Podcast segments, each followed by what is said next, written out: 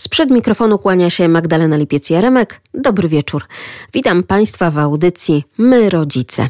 Jak zawsze kontakt z nami rodzicemałparadio.lublin.pl jak się okazuje, ponad połowa badanych doświadczyła przemocy w sieci. Co piąty badany zareagował na to obojętnością, a 40% młodych osób przyznaje się do tego, że zdarzyło im się cyberprzemoc stosować. To są m.in. początkowe wyniki ankiety na temat cyberprzemocy wśród nastolatków. Stowarzyszenie SOS Wioski Dziecięce w Polsce taką oto ankietę przeprowadziło wśród młodzieży. Dzisiaj porozmawiamy o tych wynikach. Razem z nami Łukasz Łago psycholog ze Stowarzyszenia SOS Wioski Dziecięce. Dobry wieczór. Dobry wieczór Państwu. Niestety, ale zaczęliśmy poprzez pandemię żyć w świecie internetu i to dosłownie. Tak jak wcześniej korzystaliśmy z internetu, tak teraz przenieśliśmy wszelką działalność naszą, w tym również dzieci i młodzież, chociażby jeśli chodzi o naukę, właśnie do internetu. A wiadomo, że w internecie nie samo dobro, ale też i zło po prostu funkcjonuje.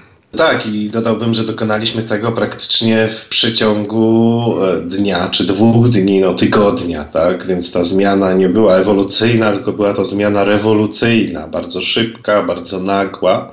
E, I jest tak, jak pani redaktor mówi, internet jest pewnym narzędziem, w którym znajdziemy wiele dobra, wspaniałych treści rozwijających dzieciaki, poszerzających e, horyzonty wiedzowe i, i zarówno dzieci, i nas samych, ale jak to z każdym zjawiskiem społecznym, jeżeli jest tam jakieś e, treści zawierające dobre, treści służące rozwojowi, płynące ku samorealizacji, to są też treści, które są no, nieadekwatne do wieku, treści, które są destrukcyjne.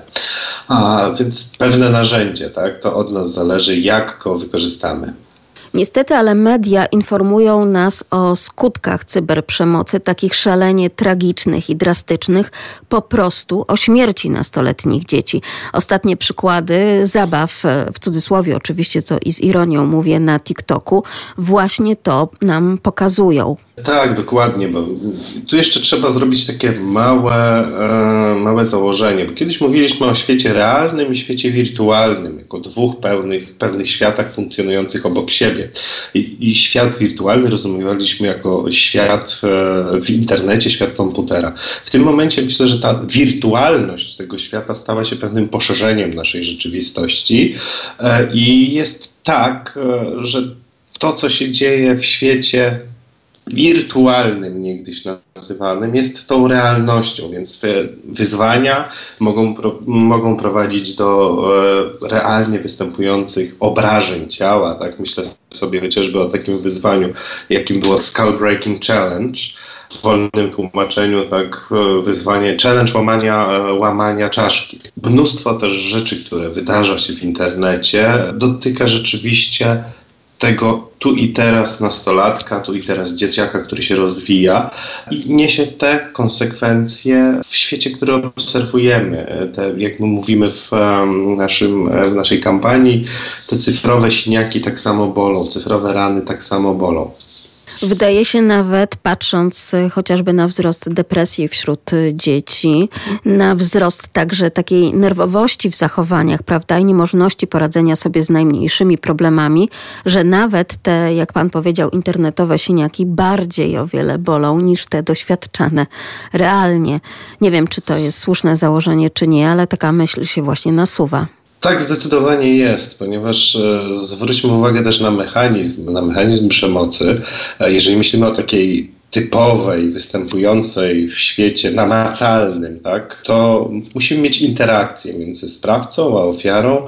Taki sprawca musi z tą ofiarą stanąć twarzą w twarz coś jej powiedzieć, czy ją uderzyć, tak? Zakłada to pewną odwagę osobistą, tak? Zakłada to też e, narażenie się na konsekwencje, na odpowiedź od, e, od tej drugiej osoby, A, ale też dla ofiary e, ta sytuacja przemocowa znana do tej pory, znana sprzed czasów internetu, jest w pewnym sensie, to może zabrzmi paradoksalnie, łatwiejsza, bo można od tej przemocy uciec, można się odwrócić napięcie i uciec, tak? Nie jesteśmy dostępni ta przemoc e, zostaje przecierta. A jeżeli mówimy o cyberprzemocy, o, o zadawaniu tej krzywdy za pomocą urządzeń, narzędzi do komunikacji cyfrowej chociażby, to nasze profile w mediach społecznościowych są dostępne 24 godziny na dobę i tak na dobrą sprawę nie wiemy, kto co opublikuje na naszej tablicy, czy w jaki sposób wykorzysta zdjęcia, które mamy opublikowane. Więc to rzeczywiście eskaluje takie poczucie niepokoju młodych ludzi, że może, a nuż widelec, coś się tam dzieje z moim profilem. Może ktoś coś robi, tak? Może akurat to, że zaistniała przeróbka mojego zdjęcia jeszcze się wcale nie skończyło i eskaluje, więc ja muszę tam zajrzeć, zobaczyć.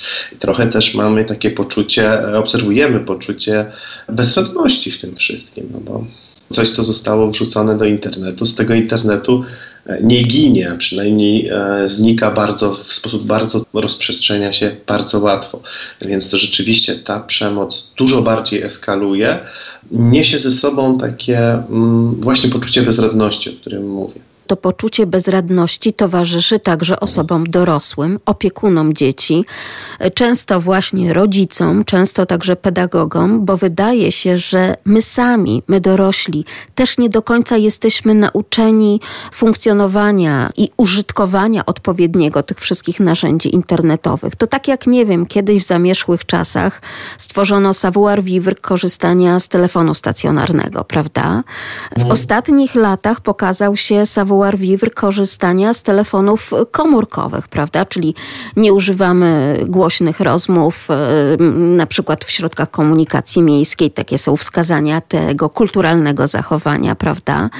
Być może warto pójść tutaj o krok dalej i po prostu nauczyć też korzystania, albo no wdrażać, mówić o tym korzystaniu e, z tych narzędzi, na przykład takich, że aparat fotograficzny w telefonie nie służy do tego, żeby fotografować, nie wiem, koleżanki które przebierają się na WF-ie, a potem sobie żartować z tych zdjęć, wrzucając je także do sieci. Ja myślę że nawet, że moglibyśmy się pokusić e, o takie stwierdzenie, że warto byłoby tę wiedzę odświeżyć, bo taka tak zwana netetykieta funkcjonuje od lat, aczkolwiek trochę chyba została zapomniana w pewnym momencie. Mamy tam takie informacje o tym, czy używać capslocka, czy nie używać capslocka, a tu rzeczywiście powinniśmy się skupić w odświeżeniu tego narzędzia, tego, tego zbioru zasad, tak, w kontekście mediów społecznościowych, które wdarły się w naszą świadomość, funkcjonują i też jak pytamy młodych ludzi, co jest najczęstszym, najczęstszą przyczyną sięgania po internet, to właśnie media społecznościowe, kontakt z drugim człowiekiem. A szczególnie ważne teraz w okresie pandemii, kiedy rzeczywiście te kontakty rówieśnicze są e, bardzo mocno ograniczone i zgodzę się z tym faktem, że po pierwsze edukacja, tak, edukacja e, i zarówno dzieciaków, jak i nas samych, e, dorosłych, opiekunów, rodziców, profesjonalistów też. Myślę, że z tym i tak jest już coraz lepiej, bo jeszcze kilka lat wstecz, jak często jak zdarzało mi się pracować z rodzicami, to słyszałem właśnie taką bezradność, że ja nic nie mogę zrobić, w zasadzie on mi włącza ten komputer, uczy mnie jak mam postąpić, jak mam wysłać maila, jak mogę go kontrolować. W tym momencie częściej pojawiają się takie pytania, czytałem, widziałem, czy da się to zastosować, czy w jakiś sposób mogę to zrobić, co jeżeli nie zadziała. Więc trochę też się zaczynamy przestawiać, następuje też zmiana pokoleniowa, ale i my jako rodzice, jako dorośli, jako profesjonaliści dostrzegamy rangę problemu cyberprzemocy i poszukujemy rozwiązań, poszukujemy działań, które mogą chronić nasze dzieci przed tymi realnie występującymi krzywdami. To, co pamiętamy chociażby z naszych lat szkolnych, czyli tworzące się takie no, grupki uczniów, co wydaje się bardzo naturalne w jednej klasie, w obrębie jednej klasy, prawda? Były jakieś e, grupy przyjaciół pod tym czy pod innym kątem, które albo wzajemnie, nie wiem, się znosiły bądź nie znosiły, wykluczały bądź nie. Podobne rzeczy rodzice teraz współcześnie oglądają też, ale jakby mm, poznają w tych chatroomach, wtedy kiedy w tych różnych pokojach nauki zdalnej również takie rzeczy rzeczy się tworzą. No i też niestety pojawiają się takie oto zagrożenia, że gdzieś tam ta czy inna grupa, tak czy inaczej, bardzo drastycznie potraktowała tego kolegę albo tamtą koleżankę, prawda? I tutaj tam na przykład inne osoby nie mają dostępu, nie mogą tego zobaczyć, nie mogą tego doświadczyć, ale wiemy, że coś tam złego i niepokojącego się po prostu dzieje. I to jest właśnie ta różnica, bo, bo generalnie te grupy i animozje między pewnymi grupami są czymś, co, co występuje od lat, prawda? E, tylko, że do tej pory mieliśmy możliwość skorzystania z, e, ze puścizny dziejów, można by było powiedzieć. Zapytania e, naszych rodziców, dziadków, jak radzili sobie z takimi sytuacjami. E, no niestety teraz musimy to na nowo odkrywać, tak? E, czyli zjawisko, które istnieje, zmieniło pewną formę, tak? Przyniosło się do świata cyfrowego, tutaj na ekran komputera, czy, czy najczęściej telefonu komórkowego. I właśnie to, co jest znaczącą różnicą. Często jako dorośli nie widzimy, że dzieje się coś złego tutaj wchodzi rola takiego wczesnego budowania relacji z e, dzieckiem, e, tego stawania się bezpiecznym dorosłym. Tak? To jest bardzo ciężko osiągnąć, ale też e, daje bardzo dobre rezultaty, bo wtedy jesteśmy, będąc bezpiecznym dorosłym w oczach naszego dziecka, wiemy, że jeżeli coś złego się zaczyna wydarzyć, to to dziecko przyjdzie zapytać o radę, poprosić o pomoc, nie będzie ukrywało mm, nie będzie ukrywało przed nami tych problemów, które, e, które rzeczywiście trzeba traktować jako realnie istniejące problemy, bo przerobienie tego zdjęcia, co może wydawać się dla nas rzeczą trywialną, często pewnie chce się e, machnąć ręką, bo nic się nie stało, dla osoby, która buduje swoją tożsamość, dla której e, ważne jest to, jak wygląda, bywa problemem bardzo często nie do przeskoczenia.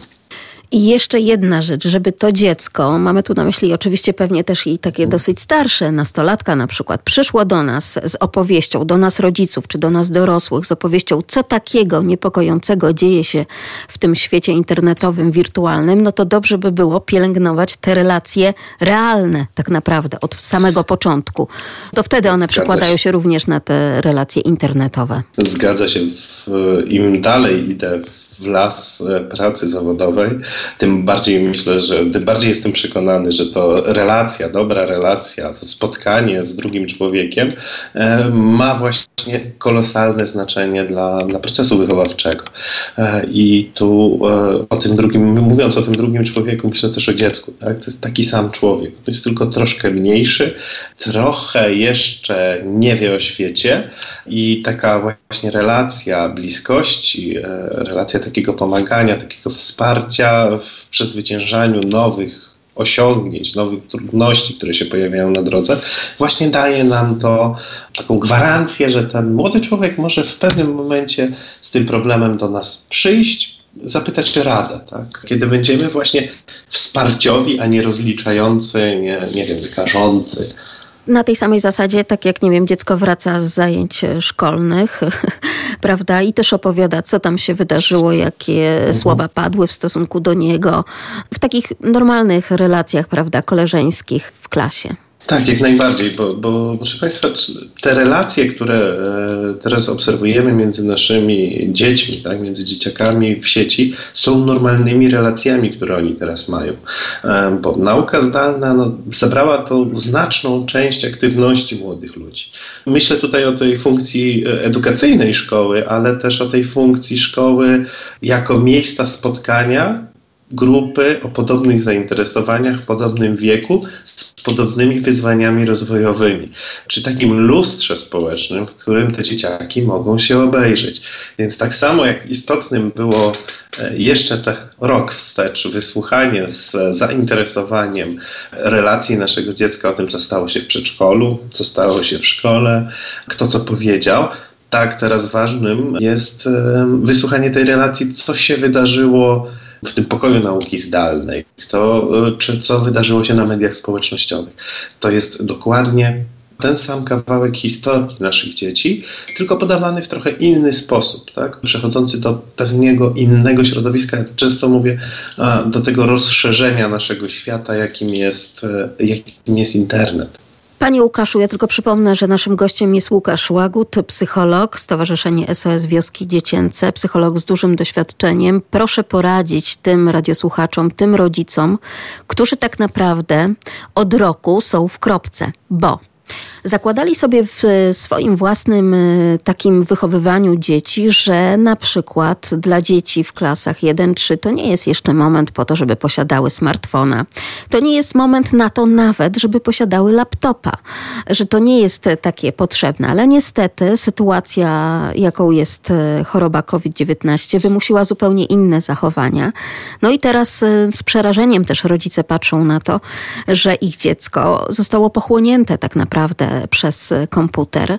Bardzo wielu rodziców podejmuje chociażby takie oto działania, że zakłada e, na portalach społecznościowych konta dla swoich małoletnich dzieci, nawet e, nie podchodząc pod ten próg, który twórcy tych kont, e, próg wiekowy oczywiście tutaj wdrożyli, bo mówią, że no to przecież łatwiej, kiedy przez komunikator na takim portalu społecznościowym dzieci szybciej się porozumiewają w związku z nauczaniem, z lekcjami, Poza tym no, wszyscy też już zaczęli żyć w tym internecie, więc nasze dzieci też dlaczego mają odstawać, prawda? No trudna i ciężka jest to batalia wychowawcza teraz. E, tak, i ja bym nakłaniał do niestosowania radykalnych kroków, zarówno w jedną, jak i w drugą stronę.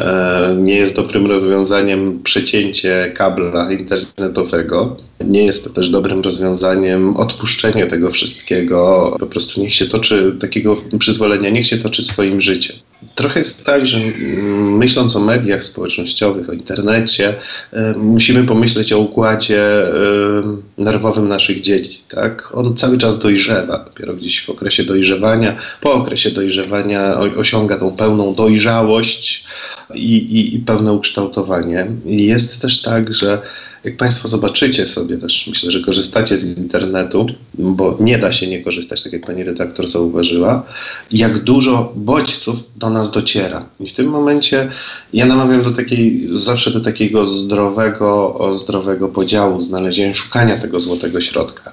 E, zazwyczaj jeszcze rok temu mówiłem o tym, żeby maksymalnie skracać czas ekranowy.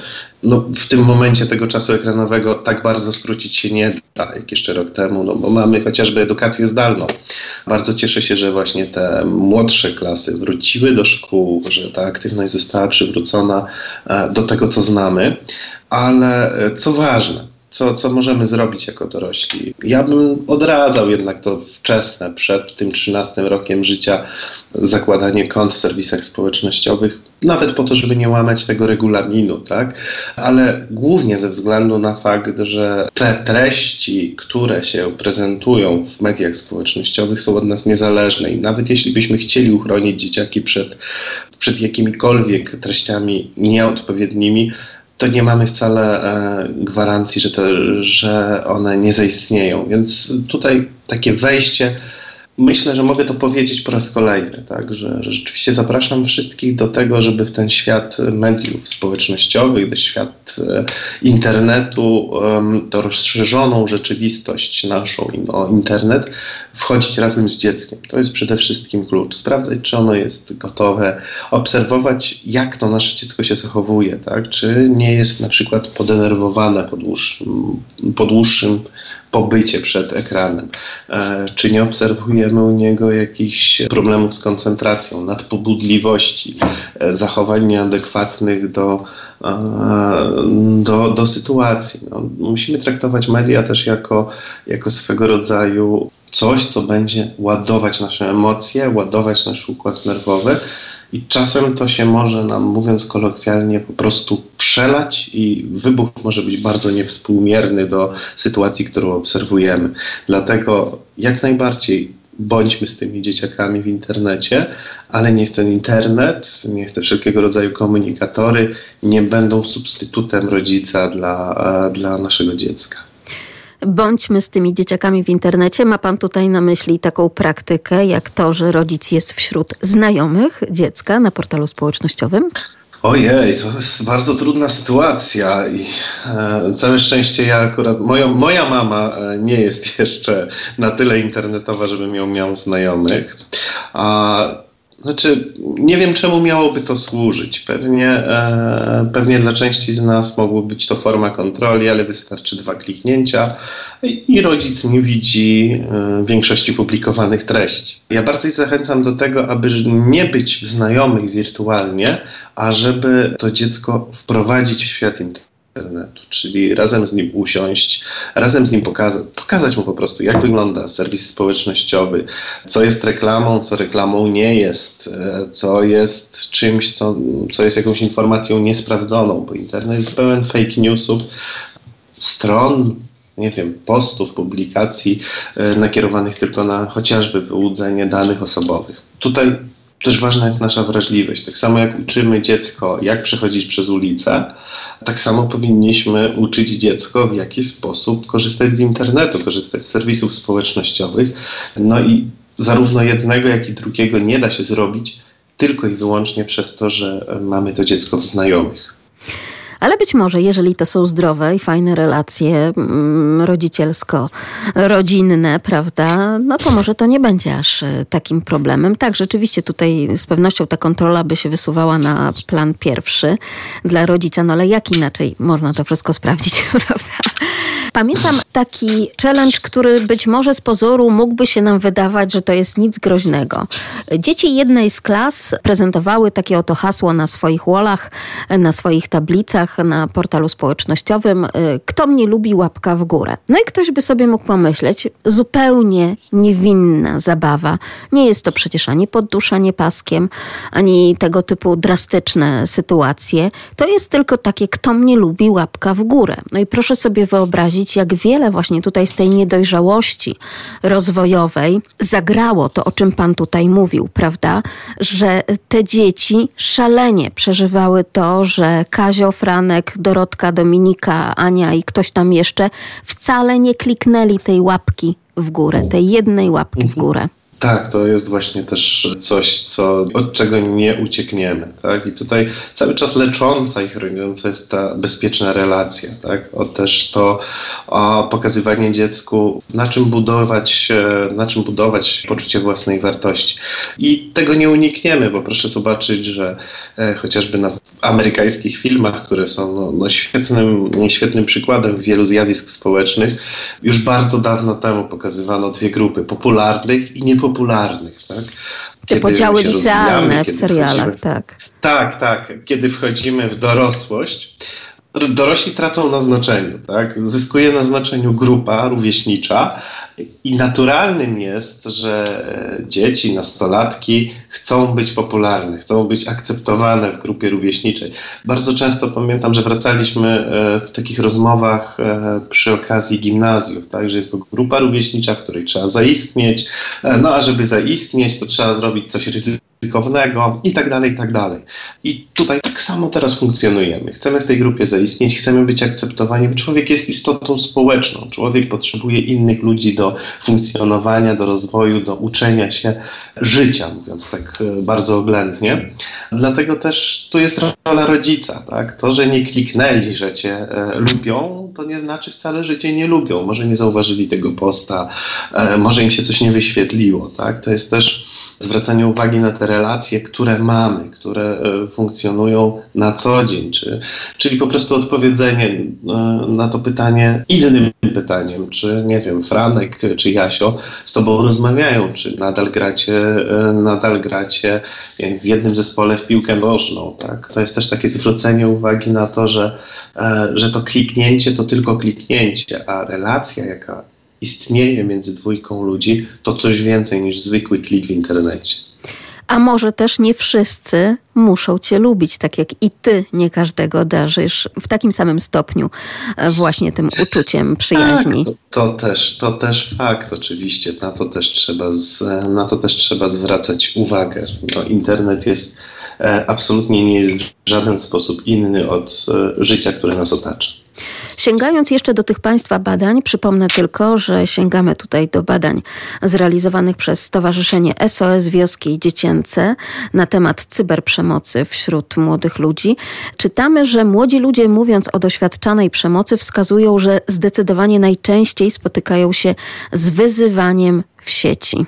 No tak, ale drodzy Państwo, to też jest takie pytanie, jakbyśmy się rozejrzeli wokół siebie. E, mówię tu i o świecie mediów, i o świecie tych mediów społecznościowych, i tym, który mamy na co dzień e, dostępny tak, w, naszym, w naszym funkcjonowaniu namacalny. To jest trochę tak, że mamy, e, mamy dużo większe przyzwolenie na, na dość brutalny język, który funkcjonuje. No nie wiem, wystarczy poczytać chociażby komentarze pod jakimkolwiek artykułem e, w gazecie, tak? na portalu jakimś informacyjnym. E, wystarczy spojrzeć na no, chociażby na dyskurs społeczny, jak bardzo mocno zbrutalizował się język, więc nie jest niczym dziwnym, że y, dzieciaki, które są świetnymi obserwatorami e, i poprzez naśladownictwo, modelowanie uczą się, jak być e, dorosłym człowiekiem, preferują tę formę agresji, tak, tę formę przemocy, która jest stosowana. Więc te wyzwiska, e, te wyzwiska się pojawiają. One też, proszę zwrócić uwagę na fakt, że są w jakiś sposób najmniej potępianą społecznie formą bardzo często się słyszy, no tylko tak powiedział, tak? To jest tylko słowo. No, słowa mogą ranić tak samo jak noże e, i, i, tutaj absolutnie nie należy tego bagatelizować. Rzeczywiście te wyzwiska e, stały się też formą, e, formą zaistnienia, tak? bo wszyscy znamy jakieś tam dyskursy e, wokół, e, wokół żartu o rodzicach, tak? z którego został uczyniony, uczyniony jakiś no, sposób komunikacji. Myślę tu o tych kolokwialnych żartach, a twoja stara to. Więc brnąc już do meritum, jest to forma najczęściej wskazywana, jest to też forma wskazywana jako ta, którą najczęściej e, młodzi ludzie e, stosują sami. To wszystko zgadza się z takimi naszymi obserwacjami życia, tym razem niekoniecznie wirtualnego. Pamiętam taką refleksję jednej z mam, która pisząc do audycji na rodzicemałparadio.lublin.pl zwróciła uwagę na taką oto sytuację. Spadł śnieg, jest wspaniała zima w tym roku. Gwar, śmiech, zabawa na górkach saneczkarskich, coś czego nie obserwowaliśmy de facto kilka ładnych lat wstecz. Naprawdę. Te dzieci teraz cieszą się tym śniegiem, zjeżdżają na sankach i ona, przechodząc z wózkiem z małym dzieckiem i też e, ze starszym, które na te sanki też tam idzie, słyszy same wyzwiska, same przekleństwa dobiegające z górki saneczkarskiej. No ale proszę Państwa, przecież na tej górce saneczkarskiej no nie bawią się dorośli, tylko bawią się właśnie dzieci i to dzieci te najmłodsze do nie wiem 12, 13 roku życia. No może też zdarzają się i starszaki, chociaż no nie wiadomo czy one na przykład jednak nart gdzieś tam nie wybierają, prawda? I słuchaczka napisała, że to jest dramat, jak bardzo schamieliśmy jako społeczeństwo. No cóż mi powiedzieć, że w, w, Wydaje mi się, że nie mogę się nie zgodzić ze słuchaczką, a, a, a, a, rzeczywiście te moje obserwacje e, są bardzo podobne. Tak? Mamy bardzo duże, bardzo, naprawdę bardzo duże przyzwolenie e, na, na ten brutalny język, na to schamienie. Tak? No, nikogo nie dziwi. E, nikogo to nie dziwi też w wypowiedziach osób publicznych, tak? kiedy, kiedy rzeczywiście osoby, które są nie wiem, z kręgu polityki, z kręgu no, szeroko rozumianego show biznesu używają języka, jakiego używają. Wystarczy też spojrzeć nawet na, na, na filmy, które są publikowane, tak? jak bardzo mocno przesunęliśmy się e, w granicy tego, co jest pokazywane na ekranie. Tak? Jak bardzo mocno ta przemoc stała się obecna no cóż powiedzieć, tak, czy, czy schamieliśmy, czy, czy, czy nie, to bardzo trudno rozsądzać, aczkolwiek no, na pewno używamy dużo bardziej brutalnego języka e, i dużo, dużo wcześniej wykorzystujemy te słowa, które są no, nieparlamentarne, tak jak to się niegdyś mówiło, e, dużo więcej tych wulgaryzmów e, w dyskusjach dzieciaków, po prostu dzieciaków. Zerkając jeszcze na Państwa wyniki badań, nastolatki stwierdzają również, że zdarza się im być sprawcami cyberprzemocy. Tak się zastanawiam, na ile jest to rzetelne, czy być może te wyniki nie są na przykład niedoszacowane, bo być może nie każdemu e, przychodzi z łatwością przyznanie się do tego, że jest sprawcą cyberprzemocy. No i jeszcze Panie Łukaszu wyjaśnijmy tak naprawdę, na mhm. czym może polegać taka ta nastoletnia cyberprzemoc w sieci. To może od końca, tak? Od tej cyberprzemocy. Cyberprzemoc to jest nic innego jak przemoc e, za pośrednictwem internetu, tak? Internetu czy środków komunikacji cyfrowej. I jest to przemoc. Zawsze jest to przemoc, czyli pewna dysproporcja. Silniejszy robi krzywdę słabszemu. No to, to mówiąc najbardziej oględnie, tak? E, odróżniając to od agresji. Czy niedoszacowane? No, opery, operujemy tylko danymi deklaratywnymi. Tak? Myśmy zapytali, a młodzież odpowiedziała. Być może są, znaczy ja mam zawsze takie, takie nadzieje, tak? jestem niepoprawnym optymistą, jak mówią znajomi, e, że może wręcz przeszacowane. Też tendencją młodzieży jest w jakiś sposób zaistnieć, więc może Mam nadzieję, że w większości przypadków było to tak, że aha, no to ja się pokażę teraz z lepszej strony, jakim jestem tu fajnym kozakiem, tak, i kliknę, że stosowałem cyberprzemoc, chociaż nie stosowałem. Podłoży takiego mechanizmu może być więcej. Mamy tu deklarację, tam nie mówimy, że młodzi ludzie odpowiadali szczerze. Myślę, że zdecydowanie trudniej mówić jest o tym, że jest się ofiarą. E, I, I, tutaj bym szukał tego niedoszacowania, tak? bo jeżeli zwrócicie Państwo uwagę e, też na te wyniki, e, to można zauważyć, że znajomych to ta cyberprzemoc w jakiś sposób bardziej dotyka niż nas samych. I tutaj bardziej już upatrywałbym się, bym się projekcji tego, że dużo częściej padamy ofiarą tej cyberprzemocy. Czyli mamy tak statystycznie, głównie ta cyberprzemoc to wyzywanie innych 38%, poniżanie i ośmieszanie ich 22%, a także straszenie 11%. Zdarzają się też akty podszywania się pod innych 6%, czy wysyłania poniżających materiałów to 5%.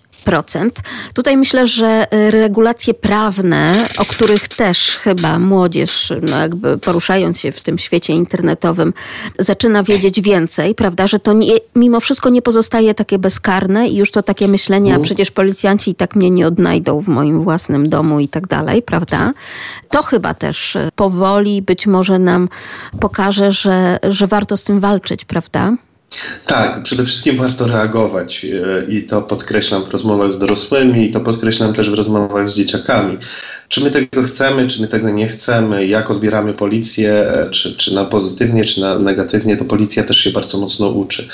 Tak jak mamy jeszcze takie z, gdzieś tam skojarzenia z policją z lat 90., to to wcale tak nie wygląda. Rzeczywiście są wydziały do walki z cyberprzestępczością, e, działają bardzo sprawnie, bardzo profesjonalnie e, i, i, rzeczywiście coraz częstsze, e, coraz częściej słyszymy, że ta policja jednak puka tak, do domu i jednak w, razem z prokuraturą, z sądami wyciąga konsekwencje. Więc to też młodym, e, to też młodym ludziom jest bardzo mocno podkreślane z tego, co wiem e, w szkołach przy okazji mówienia o cyberprzemocy, że tak naprawdę niesie ona konsekwencje prawne jest taką samą formą przemocy, więc e, mam też nadzieję, że e, takie akcje informacyjne, taka szeroko rozumiana profilaktyka przyczynią się do tego, że, e, że młodzi ludzie zobaczą, że to jest rzeczywiście działanie złe, nieadekwatne, działanie wywołujące daleko idące skutki, działanie powodujące krzywdę innych osób i po prostu no, będą stosować je znacznie rzadziej. Po starcie kampanii pod hasłem Przemoc w internecie zostawia niewidzialne rany, eksperci ze Stowarzyszenia SOS Wioski Dziecięce otrzymali wiele wiadomości z prawdziwymi historiami dzieci, które doświadczyły przemocy w sieci. Czy może nam Pan kilka przykładów, chociaż absolutnie anonimowo przedstawić, bo być może te przykłady, o których dzisiaj powiemy, będą taką wskazówką do postępowania dla rodziców? E, Ojej, to nawet nie wiem od czego zacząć, tak? E, bo, bo rzeczywiście i tych informacji w trakcie kampanii, też moich takich jakichś przykładów, które gdzieś tam mi się też w życiu wydarzyły, tak? Z e, dzieciaków, których pracowałem, jest mnóstwo. Bardzo trudno jest je zanonimizować też w całości, ale też podam Państwu taki drastyczny przykład, być może, tak? Ale też przykład, który pokazywał bardzo duże zbagatelizowanie problemu. Tak? To, była, to były dwie grupki klasowe, dwie równoległe klasy w, z, w jednej ze szkół. E, już nie pomnę gdzie i to teraz też nie jest ważne. E, I um, te grupki tak po sobie, to, to było tak zwane jechanie po sobie, tak? czyli to dogryzanie dogryzanie, no, wrzucanie tych inwektyw. Generalnie skończyło się, skupiło się to działanie jednej z grupek na jednej z dziewcząt. Tak? Dziewczyna, która no, miała problem z problem akurat tam z poprawną wymową, e, która pracowała z logopedą. E, I na tejże słabości zbudowano taką, e, zbudowano taką, taki hejt, tak? Można było powiedzieć, to, to, to nienawiść internetową, tak? Czyli tutaj to wszystkie te inwektywy, które leciały, były skierowane pod ten, e, pod adresem tej dziewczyny, że nie potrafi mówić, że nie potrafimy jej zrozumieć, że no tu, tu przypomnę takie sobie określenie masoczystą wymowę, tak? Czyli że pluje podczas mówienia. No i generalnie to bardzo mocno eskalowało i było kompletnie poza kontrolą e, osób dorosłych. Tak? Bo to jeszcze był czas przed, e, e, to był jeszcze czas przed edukacją zdalną, to był jeszcze czas przed lockdownami. A bardzo mocno to wyeskalowało do tego faktu, że rodzice i, e, i nauczyciele dowiedzieli się w tym momencie, kiedy w szkole pojawiły się bardzo wulgarnie przerobione zdjęcia tej dziewczyny, co spowodowało to, że no, dziewczynę trzeba było objąć e, rzeczywiście e, wsparciem psychologa. Rodzice też zdecydowali się na zmianę miejsca mieszkania, na zmianę w ogóle otoczenia, w którym, w którym żyli, więc e, zdarzyło, zdawałoby się bagatelka, tak? Zwykła sytuacja w stylu, nie wiem, no, przerobienie zdjęcia, jakieś tam lekkie wyzwiska, tak, no, no kto, kto z nas nie usłyszał jakiejś inwektywy w, swoim kierunku w życiu? A, a rzeczywiście realne konsekwencje. No, dodam tylko, co jest e, jedyną pocieszającą rzeczą w tej, e, w tej historii, to to, że e, rzeczywiście zidentyfikowano sprawców, no i wyciągnięto pewne konsekwencje tak prawne. Więc ta przemoc też nie pozostaje bez echa, tak? nie pozostaje bez konsekwencji. To jest najważniejsze, co płynie z tej, e, co płynie z tej historii. A w, w trakcie kampanii dostawaliśmy rzeczywiście wiadomości, e, że to jest ważne, tak? To ważne, bo słowa w internecie ranią, bo, e, bo to jest coś, co rzeczywiście nas dotknęło, coś, co spowodowało epizody depresyjne, coś, co, mm, coś, co wpływało na funkcjonowanie, tak? co, co powodowało też no, myśli rezygnacyjne wśród tych dzieciaków, które, młodzieży i osób dorosłych, które do nas pisały. Czy to oznacza, że ta współczesna młodzież jest rzeczywiście jakby, nie wiem, mniej odporna na tego typu zachowania? Bo bardzo często wtedy, kiedy mówi się o cyberprzemocy, takie dyskusje w komentarzach osób dorosłych są takie, że na przykład a propos tych challenge, my też mieliśmy swoje challenge, czyli na przykład, nie wiem, kto szybciej skoczy z wiaty śmietnikowej na naszym osiedlu, prawda? I gdzieś tam jakaś grupka nawzajem się dopingowała do takiego właśnie działania i jakoś nic nam się nie działo, prawda? Prawda? I jakoś wychodziliśmy z tego obronną ręką. Mhm, tak, to zgadza się. Wychodziliśmy z obronną ręką i też tak się uśmiecham do wspomnień e, i jazdy na drzwiach od lodówki, tak z górki.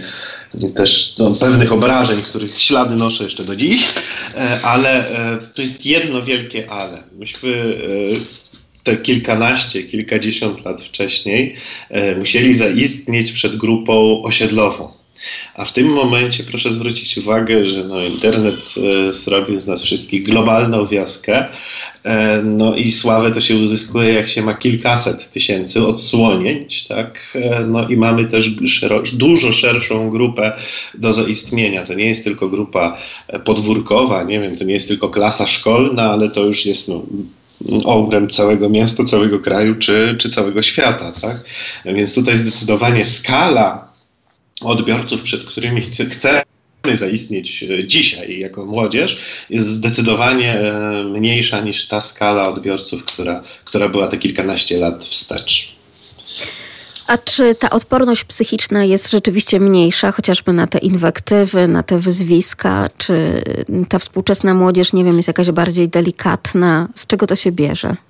Można mówić o pewnym, pewnej delikatności, ale z drugiej strony proszę spojrzeć też na to, że jeżeli mamy taką e, dużą gwałtownie i, e, i, i dużo tych osób, które kieruje wobec nas inwektywy, przekleństwa, wyzwiska, e, no to jest dużo trudniej, tak? Jest dużo trudniej też, jeżeli robi to osoba bliska, czy jeżeli robią to osoby w ogóle niepozna- nieznajome bardzo trudno jest mi mówić o tym, czy jesteśmy rzeczywiście, e, czy stajemy się jako ludzie słabsi psychicznie. Na pewno mamy dużo więcej wyzwań, na pewno mamy też dużo więcej, e, dużo, wie, dużo większy ładunek informacji, które dostajemy, tak? bo też szacuje się, że e, bardzo krótki czas naszego funkcjonowania, no nie wiem, tam załóżmy, załóżmy miesiąc, nie pomnę teraz badań, ale no, no miesiąc informacji, miesiąc przyjmowania informacji w dzisiejszych czasach jest równoznaczne z całym życiem jeszcze 200 lat wstecz, tak? E, więc na pewno jesteśmy przeładowani informacyjnie, co też nie sprzyja, mm, nie sprzyja stabilnemu funkcjonowaniu psychicznemu. E, na pewno też e, dużo mniej, chociaż trendy się zmieniają i też dużo częściej mówimy o tym, żeby obcować z przyrodą, żeby zresztą pani redaktor nas zachęca do obcowania z lasem chociażby.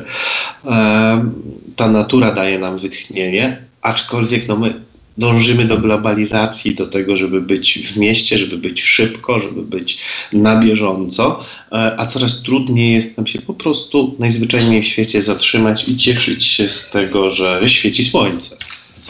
Co oznacza takie y, sformułowanie i taki wynik badania, że większość badanych wskazuje, że emocje odczuwane w związku z cyberprzemocą to obojętność. Nie obchodziło mnie to. Czy rzeczywiście tak jest? Czy to jest taka prawda? To może stać się prawdą w momencie, kiedy rzeczywiście obo, obojętniejemy na bodźce, tak? kiedy funkcjonujemy już w takim mechanizmie wyuczonej bezradności, że cokolwiek byśmy nie dokonali, to i tak nie mamy wpływu na rzeczywistość, e, na to, co nas otacza, na to, co nas spotyka jesteśmy obok tego i po prostu odbieramy to, co dostajemy. Ja myślę, że bardziej jest to kwestia takiego kreowania się na osobę silną psychicznie, tak? Że spływa to po mnie.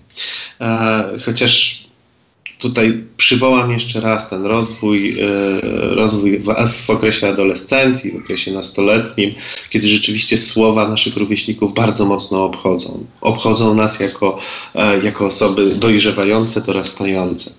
A to, że mnie nie obchodziło, to tutaj właśnie upatruję tego tego takiego, mm, no nie wiem, takiej deklaracji, że jestem silny, e, to mnie nie obchodzi, jestem ponad to, e, no możecie sobie mówić co chcecie, a rzeczywiście w środku w sobie no, doznaję tych ran, tak? tych ran, których, którymi nie chcę się dzielić, bo jeśli się podzielę, e, to być może jeszcze bardziej dostanę, tak? bo, zobaczy, bo zobaczy grupa, że tu jest jakiś mój słaby punkt, ja go odsłonię i jeszcze wtedy bardziej dostanę niż dostanę stałem do tej pory. A, także chciałbym tu upatrywać siły psychicznej. E, e, a bardzo nie chciałbym opatrywać tego wspomnianego na początku mechanizmu e, takiej obojętności, wyuczonej bezradności, tego, że już jestem e, na tak przegranej pozycji, że cokolwiek bym nie zrobił, to i tak będę ofiarą przemocy. Już e, od dawien dawna wielu psychologów, pedagogów, e, ale też po prostu z takich naszych obserwacji wiemy i mówimy o tym my dorośli, że dzieci są szalenie okrutne. Chociażby, nie wiem, jedne z pierwszych zajęć w klasie pierwszej i od razu, a to ten to grubas, tak, a ta to okularnica. A na przykład to wtedy, kiedy pani staje przed tablicą przodem do klasy i nagle słyszy, ale ma pani dzisiaj brzydką bluzkę. Albo to, co obserwujemy na nauczaniu zdalnym, kiedy to dzieci tworzą nawet e, prześmiewcze historie o tym, jak pani nie wiedziała, którą słuchawkę do połączenia kliknąć, czy czerwone, a czy to czerwone tu widzę i czy to tutaj tak, czy, czy inaczej, prawda? Więc e, no, dzieci podobno mają w sobie takie okrucieństwo wobec innych i ono też przekłada się na tę sytuację właśnie w internecie. Tak, no, czy, czy okrucieństwo to do końca bym się nie, złoży, nie zgodził. Dzieci są przede wszystkim szalenie bezpośrednie. E, no tak, dzieci są przede wszystkim bezpośrednie, nie mają tej kontroli, e, kontroli tego, co wypada, a co nie wypada powiedzieć. Tak? Bardzo, bardzo to też widzę przy, przy swojej czterolatce tak? i uczę się od niej wielu, że, wielu rzeczy, ale też uczymy się razem pojmowania świata i to my dorośli, e, to nasza rola jest w tym, żeby zadbać o rozwój społeczny naszych dzieciaków, tak? czy dzieciaków, którymi się opiekujemy jako, nie wiem, rodzinne domy dziecka, jako jako profesjonaliści wspierający rozwój dziecka chociażby, e, pokazywanie tych ról, tych pewnych konwenansów społecznych, kiedy rzeczywiście możemy sobie pozwolić na jakąś wypowiedź, kiedy na tą wypowiedź nie powinniśmy sobie pozwalać. Chociaż z tym przekazem takim, że dzieci są okrutne, no to spotykamy się od, od lat. Ja też pamiętam to z, z własnego dzieciństwa, tak? kiedy, kiedy rzeczywiście takie słowa e, mówiła moja babcia chociażby, czy ta transmisja pokoleniowa funkcjonuje. A, ale dziecko samo w sobie nie jest ani złe, ani dobre, tak? Ono pokazuje to, czego się nauczyło w trakcie swojego wzrastania, a no, czy tego chcemy, czy nie, e, uczy się ono od nas. I to uczy się od nas też e, tego, w jaki sposób korzystamy z internetu, tego, czy my też, no, obserwując nas w sieci, bo na przykład moje dzieci bardzo lubią i na początku, szczególnie na początku, na początku lockdownów rok temu, to bardzo, bardzo córka lubiła e, przysiadywać ze mną, jak pracuję tak, w domu obserwować, zadawać pytania. No i e, mimo, że czasem sytuacje niektóre mnie denerwowały, to też tego nie pokazuję przy swoim dziecku, żeby no, mm, nie wiem, nie wstaję i nie mówię, nie komentuję, a ten, kto źle powiedział, a ten, to nie tak powiedział, tak. E, ja się mogę nie zgadzać z moimi kolegami, z dorosłymi, tak, ale rozmawiam o tym z dorosłymi. Nie rozmawiam o tym, w, nie rozmawiam, nie pokazuję tego przy, e, przy dzieciach, po prostu najzwyczajniej w świecie, bo, e, bo to, co my robimy, jest ważne dla dzieciaka. To rzeczywiście go uczy, to go przygotowuje do życia, a absolutnie to, co mówimy, to wpada jednym uchem, wypada drugim uchem, bywa zapomniane, tak? A przykład naszego życia, przykład naszego funkcjonowania przykłada się na te, e, na te wszystkie zachowania, które obserwujemy chociażby na górkach saneczkowych, czy które chcielibyśmy na tych górkach saneczkowych e, obserwować. No i podobnie jest również z korzystaniem z mediów społecznościowych i także z tego, czy ten telefon jest przyrośnięty do ręki rodzica, bo podobnie możemy się spodziewać, że tak też będą nasze dzieci korzystały e, z tych na, naszych nowoczesnych mediów, prawda? Czy ciągle towarzyszy, nie wiem, podczas spożywania posiłku, obiadu wspólnego, to kliknięcie, o, masz nową wiadomość i tak dalej, i tak dalej. Ale przecież rozmawiamy z panem, ja tylko przypomnę, że razem z nami Łukasz Łagut, psycholog, przedstawiciel Stowarzyszenia SOS Wioski Dziecięce. Czy to badanie, dlatego państwo podjęli a propos tej cyberprzemocy wśród młodych ludzi, bo być może państwa podopieczni są szczególnie na taką cyberprzemoc narażeni, czy generalnie tutaj chodzi o jakby przebadanie i zebranie takich wyników ogólnie ze, z tej społeczności młodzieży w Polsce? Nie tylko z e, wiosek dziecięcych. Znaczy, generalnie chcieliśmy też zadziałać rzeczniczo na, na korzyść jakiegoś zjawiska, tak? na, na korzyść tego, że działania, przeciwdziałania temu zjawisku, które obserwujemy. Czy nasze dzieciaki są bardziej czy mniej narażone, to zależy od dzieciaka. Ja zawsze, e, zawsze tutaj staram się e, pokazać te dzieciaki, które są naszymi podopiecznymi, jako całkowicie normalne dzieciaki. Jedne bardziej są narażone na te, e, na te działania cyberprzemocowe, inne mniej mniej. Tak? Te, te, te badania, które myśmy e, przeprowadzili na grupie naszych podopiecznych, dzieciaków, z którymi też pracujemy w programach SS Rodzinie, tak? my też prowadzimy takie działania profilaktyczne e, polegające na umacnianiu rodzin, tak? żeby te dzieciaki e, nie trafiały do pieczy zastępczej. One są zbieżne z tym, co, co obserwujemy w badaniach ogólnopolskich, chociażby pokazywanych przez, e, prowadzonych przez FDDS czy NASK. Um, pokazują bardzo podobne, bardzo podobne prawidłowości w tych, w tych dwóch grupach nam tutaj wyszły. Tak? E, więc e, to nie jest tak, że nasze dzieciaki są bardziej narażone, tak? a potrzeba tych badań no, zrodziła się z tego, że rzeczywiście obserwujemy, że to życie na dzieciaków, które są pod naszą opieką, um, przyniosło się bardzo mocno w te meandry cyfrowe. E, no i podjęliśmy też pewne założenie, tak, że rzeczywiście no, jest tak też w rodzinach, e, które funkcjonują poza pieczą zastępczą, że jest tak no, na całym świecie, że rzeczywiście funkcjonujemy, działamy i przyjrzyjmy się temu, tak, a przede wszystkim e, nagłośnijmy ten, ten temat, że rzeczywiście ta rana cyfrowa, czy ten siniak internetowy, e, czy ta krzywda związana z cyberprzemocą jest tak samo realna i tak samo dotyka nasze dzieci, jak taka zwykła przemoc, e, o której, o której do tej pory mówiliśmy. Bardzo dziękuję za rozmowę, bardzo dziękuję za zwrócenie uwagi na te wszystkie bardzo ważne dla nas, rodziców, sprawy. Razem z nami był Łukasz Łagut, psycholog ze Stowarzyszenia SOS Wioski Dziecięce. Dziękuję bardzo. Dziękuję bardzo. Dzisiaj mamy okazję porozmawiać z blogerką parentingową Blog Nebule. I o te nebule oczywiście zapytamy Annę Trawkę, która jest razem z nami. To pani pedagog, logopeda, no i oczywiście mama. Mama dwójki dzieci, 5 i 9 lat na koncie. To jest całkiem sporo, więc tych doświadczeń myślę, że też jest dużo. Na początek, czym są nebule? Czy to jest jakieś słówko wymyślone być może przez dzieci? Dobry wieczór, witam wszystkich. Nebule tak naprawdę ma dwa znaczenia. Po pierwsze, są to mgławice, yy, czyli nieduże ciała niebieskie, które roztaczają taką piękną łunę yy, na niebie, a drugie znaczenie jest zaczerpnięte z pedagogiki Marii Montessori, gdzie oznacza takie wrodzone zdolności dzieci które my jako rodzice może, możemy im pomóc wydobyć. Czyli e, no, dwa, dwa jakby znaczenia i właśnie na tym skupia się mój blog, żeby tak mądrze wspierać dzieci w ich rozwoju. Oczywiście przede wszystkim wspierając rodziców. Jak rodził się pomysł na blog, bo to jest już blog prowadzony z kilkunastoletnim prawda, doświadczeniem. To nie jest tylko i wyłącznie ta taka chwilowa moda, która też e, ostatnio pojawia się w internecie.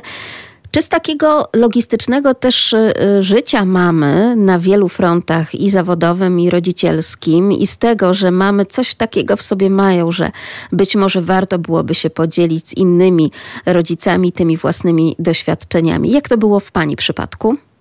E, u mnie rzeczywiście było tak, że ja miałam wielką chęć e, dzielenia się swoimi doświadczeniami jako mama, ale też jako pedagog, jako logopeda. Jestem też terapeutą integracji sensorycznej. Zaczynałam bardzo wcześnie, bo już w 2012 roku.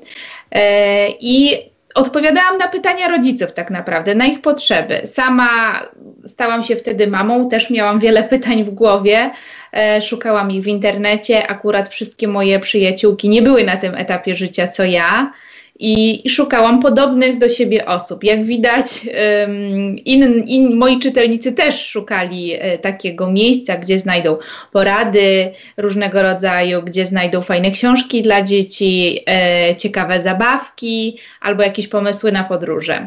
Myślę, że tutaj um, jest tak dużo różnych treści, które ja proponuję rodzicom, właśnie po to, żeby im e, ułatwiać rodzicielstwo.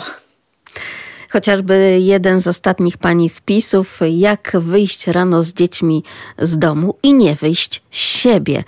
No to jest newralgiczny y, moment, prawda? Ten poranek w rodzinie trudna sztuka, to jest prawda i e, co ciekawe, wielu rodziców się do tego nie przyznaje. Dopiero po moim wpisie otworzyła się tak zwana puszka Pandory i wyszły te wszystkie emocje, które tłumimy często przez zęby. E, a to też jest potrzebne, myślę, że inni rodzice mają tak samo jak ja.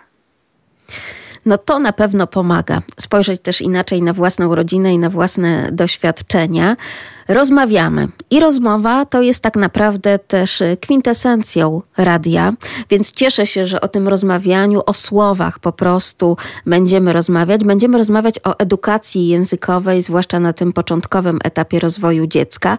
Od kiedy warto liczyć ten etap e, takiej edukacji językowej? Czy już wtedy, kiedy na tej pięknej kanapie leżymy z brzuszkiem wypełnionym dzieckiem do góry i być może głaszcząc ten brzuch, coś śpiewamy, nucimy, mówimy po prostu do tego dziecka, które jest w nas. Myślę, że tak. Wiele, wielu rodziców, e, oczekując na dziecko, czyta nawet bajki e, do brzucha.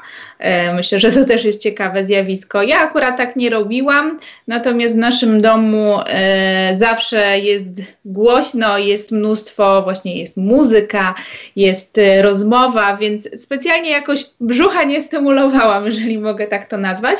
Natomiast już po urodzeniu zaczęliśmy, zaczęliśmy pracować, bawić się, nawet ćwiczyć. Próbowaliśmy różnych metod ciekawych albo mniej ciekawych.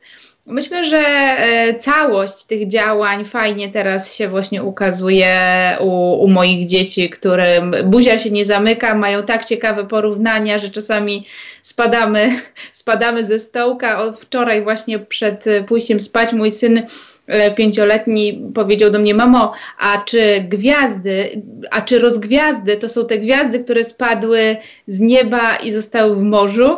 Więc w ogóle, no tak to mniej więcej wygląda, że to wszystko, co czym otaczamy dziecko, jak mówimy do niego, ma ogromny wpływ na to, jak, jakie będzie później. Widzę to bardzo dokładnie teraz. Także to, co czytamy do snu, to, że w ogóle czytamy do snu, na przykład, czy nawet nie do snu, nawet w ciągu dnia, że po prostu obcujemy z książką, z tym słowem literackim, dostosowanym do wieku i rozwoju dziecka. Tak, dokładnie. Zgadzam się w stu procentach. Ja e, z dziećmi czytałam bardzo dużo książek do tego stopnia, że do tego stopnia, że były takie dni, że czytaliśmy po 30 książek, jak na przykład byliśmy chorzy, siedzieliśmy w domu i po prostu jedna za drugą um, szła w ruch. Niektóre książki dzieci znają na pamięć. Teraz córka już sama czyta widzę ogromny wpływ na to, jak się obcowaliśmy z książką przez te lata wszystkie, kiedy ona nie czytała sama, a tak jak teraz jest w drugiej klasie i właściwie czyta więcej ode mnie. Jeżeli mogę powiedzieć śmiało, e, czyta spokojnie sześć książek w tygodniu, e, wstaje rano po to, żeby czytać książkę, idzie wcześniej do łóżka, żeby czytać książkę. Jest to po prostu niesamowite. Czy to procentuje również na przykład w przełożeniu na to, w jaki sposób się dziewczynka wypowiada, także w piśmie? Oczywiście. E, moja córka napisała już sama trzy książki. E, sama też właśnie zaczyna tworzyć różne rzeczy. Tak jak się wypowiada, tak jak myślę, nie porównując ją absolutnie do rówieśników, e, naprawdę pięknie się wypowiada i, i też nie ma problemu z zapamiętywaniem rzeczy, ma bardzo bogate słownictwo. Kiedy jest na przykład wiersz na pamięć, to jest się w stanie go nauczyć po prostu w godzinę. E, naprawdę jest to niesamowite, że, że można tak obserwować swoją pracę. Tak naprawdę teraz tylko są to procenty. Taka, ja to mówię, że to jest taka rodzicielska pianka e, do spijania, czyli tej pracy, którą włożyliśmy we wcześniejszych latach. Tak to jest, że chyba szalenie czekamy na to tak zwane pierwsze wypowiedziane przez dziecko słowo. Czy to jest mama, czy to jest tata, czy to jest cokolwiek innego, co nam się tylko i wyłącznie jakoś tak układa w to, co chcielibyśmy usłyszeć, albo co wydaje nam się, że słyszymy. I począwszy od tego pierwszego słowa, bardzo, ale to bardzo śledzimy ten rozwój mowy, wypowiadania się naszych dzieci. Y, śledzimy też nawet to gaworzenie, prawda? I często też pochylając znajdując się nad łóżeczkiem z niemowlęciem, też do niego staramy się mówić jego językiem. Czy tak trzeba robić, czy nie? Czy może już warto stosować po prostu polskie słowa, polskie wyrazy, a może nawet też i inne języki, po to, żeby mówić do dziecka, a nie tylko gaworzyć i ciumkać do niego? E, oczywiście warto moim zdaniem gaworzyć e, do dzieci, jeżeli tylko mamy my taką e, chęć, prawda? Bo są rodzice, którzy nie czują się z tym komfortowo i od początku zwracają się pełnym słownictwem do swoich dzieci bardzo poważnie. Natomiast ja jako mama i jako logopeda wiem, że ważne jest to guganie na dywanie które tak e, może nawet jest według mnie niedoceniane za bardzo, natomiast jest bardzo ważne, bo wtedy buduje się komunikacja. Dziecko takie małe 7-8 miesięczne, które zaczyna właśnie gaworzyć i my odpowiadamy takim samym dźwiękiem, zazwyczaj powoduje właśnie bardzo pozytywną reakcję. Dziecko wie, że e, ta komunikacja ma sens. I przechodząc później do na przykład wyrażeń dźwiękonaśladowczych, czyli na przykład zwierzęta, które wydają dźwięki, przechodzimy powolutku, powolutku do pełnych wyrazów, czyli tak naprawdę zaczynając od gugania, e, uczymy dziecko mówić. Guganie na dywanie to jest e, świetne powiedzenie, które warto sobie gdzieś tam na tej drodze rodzicielskiej wdrukować. Guganie na dywanie, czyli to też przynosi pozytywne efekty jak najbardziej. No i potem, no właśnie, te takie rozmowy, często babcine, czyli okazuje się, że taka intuicja e, osób starszych, e, chociażby taka, że babcia bierze dzieciątko gdzieś na spacerek i mówi, a zobacz tutaj wrona, to ona kra kra robi, a tu piesek to szczeka hał hał, a tu kurkę zobaczysz, to kurka koko koko, prawda, i tak dalej, i tak dalej. E, te rzeczy sprawdzają się. Dokładnie to jest właśnie to, jak dzieci uczą się mówić e, i takie onomatopeje, bo tak się nazywają te wyrażenia dźwiękonaśladowcze, to one właśnie ułatwiają dzieciom szybsze porozumiewanie się. E, dziecko jest w stanie szybciej powiedzieć właśnie, co chce, mówiąc właśnie taką onomatopeją, niż e, czekać na ten czas, kiedy będzie w stanie mówić mamo, proszę nalej mi wody, prawda? Tylko jak powie piciu, które jest łatwe do wypowiedzenia, bo są to głoski, które bardzo szybko się pojawiają e, w rozwoju mowy dziecka, to rodzic znacznie szybciej będzie wiedział o co chodzi, jest ta szybsza komunikacja, mniej frustracji, mniej płaczu e, i, i myślę, że to w dwie strony działa bardzo dobrze. Czy rzeczywiście te różnice pomiędzy rozwojem mowy u chłopców i u dziewcząt y, to jest coś, co często na przykład mamy na placu zabaw spotykające się czy na spacerze porównują, a nie słuchaj, no mój to jeszcze nie mówi, prawda? Y, jak długo trzeba na to czekać, jak bardzo trzeba się tym niepokoić? E, według mnie jest to taki bardzo szkodliwy mit, który krąży właśnie po piaskownicach i wśród y, rodziny też często, że chłopcy zaczynają mówić później. To jest nieprawda. Y, każde dziecko rozwija się w swoim tempie i to jest indywidualne tempo, które czasami może jednak potrzebować wsparcia logopedy. Więc moim zdaniem, jako rodzic i jako specjalista, jest to, żeby przekonać rodziców jednak, że warto sięgnąć do porady na przykład właśnie logopedy czy też laryngologa, bo czasami są to na przykład problemy związane ze słuchem e, i nie czekać na to, aż e, dziecko wypowie swoje pierwsze słowo na przykład w wieku trzech lat. Absolutnie, jest to bardzo, bardzo szkodliwy mit, który właśnie krąży. Trzeba się z nim raz na zawsze rozprawić. Że kiedy mamy jakiekolwiek wątpliwości, to warto udać się do specjalisty. Bez względu na wiek dziecka, bez względu na to także przygotowanie przedszkolne i tak dalej?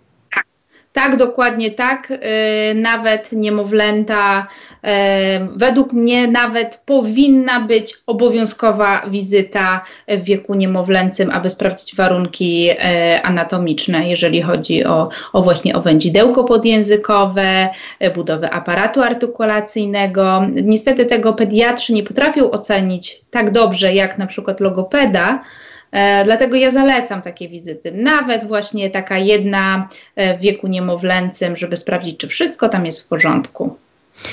I troszeczkę to być może przestrasza rodziców wtedy, kiedy pada taka oto diagnoza, że dobrze by było dokonać operacyjnego podcięcia.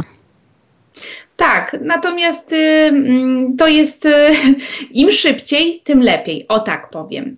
Y, moje dziecko pierwsze miało podcięte tuż po porodzie, więc trwało to dosłownie sekundę y, i bardzo szybko, y, w ogóle nawet y, niepotrzebne było opatrywanie rany i momentalnie jakby poprawiły się też, bo wcześniej miała chwilowe problemy z przystawieniem się do piersi i one e, ustąpiły po prostu wraz z cięciem. Także e, wędzidełko jest bardzo ważnym elementem, który, który pomaga nam wypowiadać słowa, szczególnie w naszym języku, który nie jest językiem prostym do artykułowania i żeby mieć e, w pełni um, sprawny aparat artykulacyjny, to wędzidełko powinno być um, prawidłowe. Przejdźmy już do tej edukacji przedszkolnej, e, wtedy, kiedy rzeczywiście dzieci zaczynają dużo mówić, no i w takim oto przedszkolu gwarno i rojno i głośno jest bardzo, bo wszystkie dzieci chcą coś ciekawego powiedzieć. Jakie predyspozycje też osobowościowe przemawiają za tym, że ten rozwój mowy, nie wiem, no jest taki y, bardziej wyraźny, y, zauważalny, nie sprawia też trudności?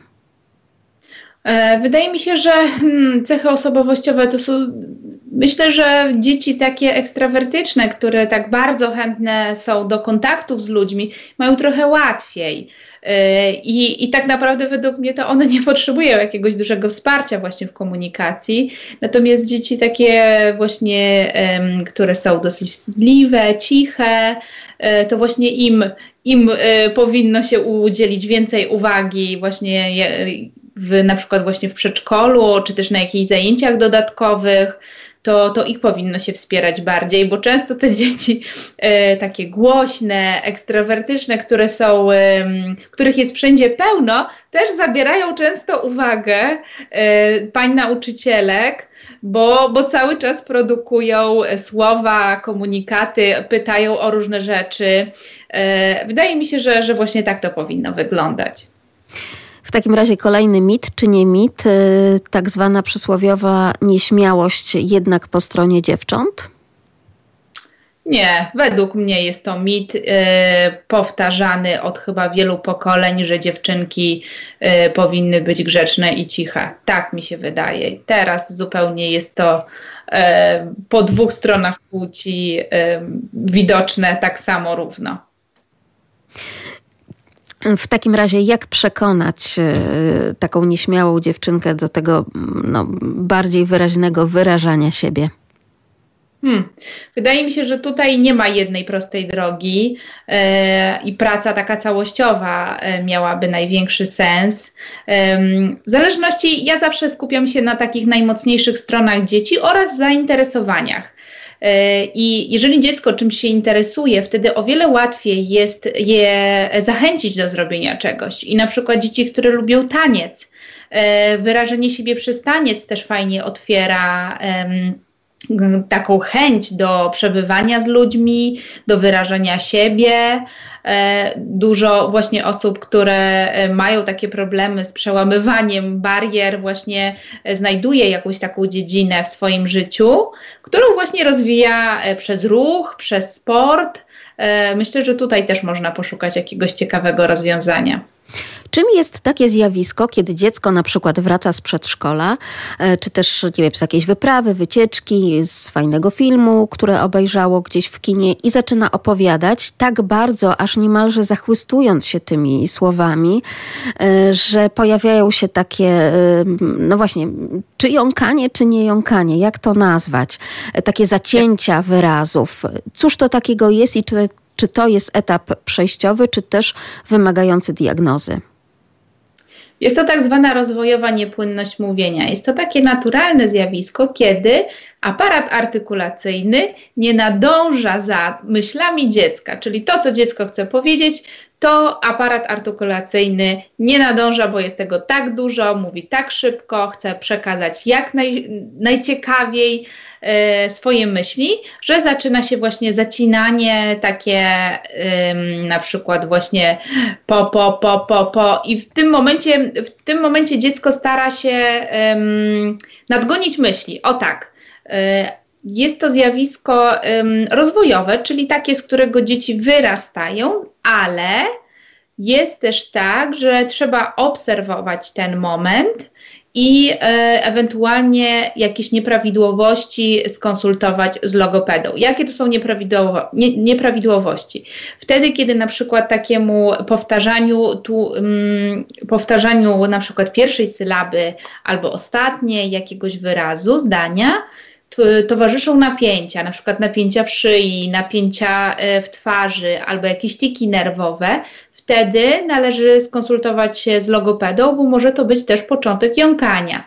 E, I wtedy mm, trzeba pójść do logopedy. Logopeda udzieli wskazówek, jak e, postępować w domu, bo tutaj jest bardzo ważna rola rodzica w tej sytuacji, czyli nie przerywamy. Zresztą nawet przy rozwojowej niepłynności mówienia, czyli kiedy dziecko opowiada tak szybko i się zacina, my też powinniśmy wiedzieć, że nie należy przerywać, nie należy kończyć słowa za dziecko i wprowadzać taką miłą, spokojną atmosferę wokół tego, a nie stresować się, no powiedz to, no powiedz to, albo właśnie przestań się jąkać. W ogóle to jest najgorsze słowo, jakie może powiedzieć rodzic, bo takie słowo naprawdę może wyzwolić jąkanie u dziecka. Niesamowite. Proszę powiedzieć, czy mogłaby Pani nam podać jakieś przedziały mniej więcej czasowe, do kiedy możemy mówić o takiej niepłynności mówienia? To w zależności, prawda, jak dziecko zaczęło mówić, ale zazwyczaj jest to czwarty, piąty rok życia, maksymalnie, to jest maksymalnie. Przy czym nie należy tego traktować jako zjawisko normalne, tylko mieć na uwadze, że coś takiego jest, obserwować dziecko, ewentualnie sobie zapisywać, kiedy to się pojawiło, e, w jakich wyrazach. W jąkaniu często też jest tak, że te tiki nerwowe i to zacinanie pojawia się też na konkretnych sylabach.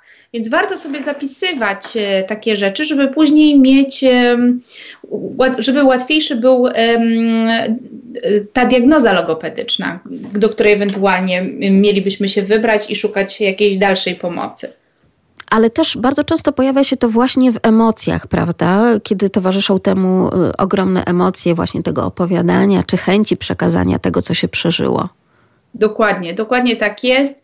Emocje mają tutaj ogromną rolę, dlatego my, jako rodzice, jako słuchacze, musimy być wtedy bardzo spokojni, nie pokazywać po sobie, że, że coś się dzieje nie tak, tylko czekać, aż dziecko wypowie dane słowo. To jest bardzo trudne. Trudne jest też wtedy, kiedy obok pojawia się rodzeństwo, bo często to rodzeństwo właśnie przejmuje też taką rolę negatywną, o której tutaj pani powiedziała, jak rodzice, czyli no właśnie, no już powiedz to, już to, co miałaś tam powiedzieć, to powiedz. Zgadzam się w 100%, dlatego warto na osobności poprosić to dziecko, które nie ma tego problemu i powiedzieć, że posłuchaj, e, jest taka sprawa, że chcielibyśmy dać powiedzieć do końca, nie mówić o problemie, że chyba nasze drugie dziecko, prawda, się jąka albo zacina, nie używać w ogóle tych słów, spróbować wytłumaczyć to naokoło, żeby nie nadać takiej łatki. To też jest takie ważne. I czy też warto przy okazji pracować również nad emocjami, no bo właśnie też w takim stresie często to się pojawia, wtedy kiedy, nie wiem, dzieci siedzą gdzieś na zajęciach zerówkowych, czy w tych początkach nauki szkolnej i być może kiedy zostają wywołane niejako do odpowiedzi, też taka sytuacja może mieć miejsce. Tak, dokładnie. Stres y, i emocje ma y, bardzo duży wpływ na mowę, na nasz głos. Zresztą sami to wiemy występując publicznie. Wiedzmy o tym, że, że właśnie takie e, wystąpienia publiczne w szkole to są dokładnie takie, jakie my mamy tutaj na przykład dzisiaj e, w radio, czyli towarzyszą temu emocje, żeby jak najlepiej wypaść, żeby się nie zaciąć, nie zgubić słowa, mówić miłym i przyjemnym głosem i zostać zrozumianym, prawda? Tak, dokładnie. Przekazać to, co się chciało powiedzieć. Wierzę, że nam to się w tym momencie udaje. Ja tylko przypomnę, że naszym e, gościem jest Anna Trawka, e, pani pedagog, logopeda, blogerka, mama oczywiście prowadząca blog Nebule. Polecamy zerknąć. To jest kolejny blog, e, do którego my tutaj w redakcji audycji też parentingowej, rodzicielskiej zaglądamy. nebule.pl Polecamy Państwu jak najbardziej. W takim razie jeszcze jedna e, ważna kwestia, poza tymi emocjami, poza kwestią też budowy mm, aparatu mowy u dziecka, co jeszcze powinno zwracać uwagę przy tych pierwszych słowach wypowiadanych nam przez dzieci? Co jeszcze? No na pewno powinniśmy obserwować, jak zachowuje się dziecko i w jaki sposób e, wyraża, wyraża to, swoje jakieś komunikaty, trzeba też wiedzieć, wydaje mi się, że wielu rodziców e, nie wie, jak dużo jest różnych zaburzeń mowy. I ja nie mówię o takich wadach wymowy, kiedy dziecko sepleni, nie mówi głoski ry, czy, czy jakichś innych, Wydaje mi się, że wielu rodziców jest nieświadomych, jak wiele jest tych zaburzeń i dlatego czeka z pójściem do logopedy, myśląc, że, e, że to jest czas, że trzeba dać dziecku czas, że dziecko się nauczy. Natomiast jest bardzo dużo różnych innych zaburzeń mowy, które e, są o wiele trudniejsze później do, mm, do terapii które mają na przykład związek z układem nerwowym, związanym ze słuchem fonematycznym i, i dlatego tak długo czekają. I myślę, że, że to powinien być taki mm, sygnał dla rodziców, że, że jeżeli widzimy cokolwiek, że, że nas niepokoi, idźcie proszę do logopedy. Naprawdę, czasami to jest bardzo przyjemna rozmowa, e, znaczy zawsze to jest bardzo przyjemna rozmowa na takiej wizycie u logopedy, a bardzo często ten czas, kiedy my się pojawimy, to jest właśnie ten najcenniejszy czas. I nawet czasami stracenie roku, właśnie czekając na nie wiem, pierwsze słowo, albo na zdania, albo na wyraźną mowę, to jest bardzo dużo w rozwoju dziecka. Rok to jest bardzo dużo. I opóźnia nam to po prostu leczenie tego dziecka, prawda? Tak, dokładnie. Jeżeli się na przykład okaże, że dziecko nie mówi, bo ma niedosłuch, e, a my czekaliśmy rok, to rok to jest ogrom czasu. Ogrom. Możliwe być tak, że ten rok dziecko będzie nadrabiać przez kolejne 10 lat, a i tak nie nadrobi.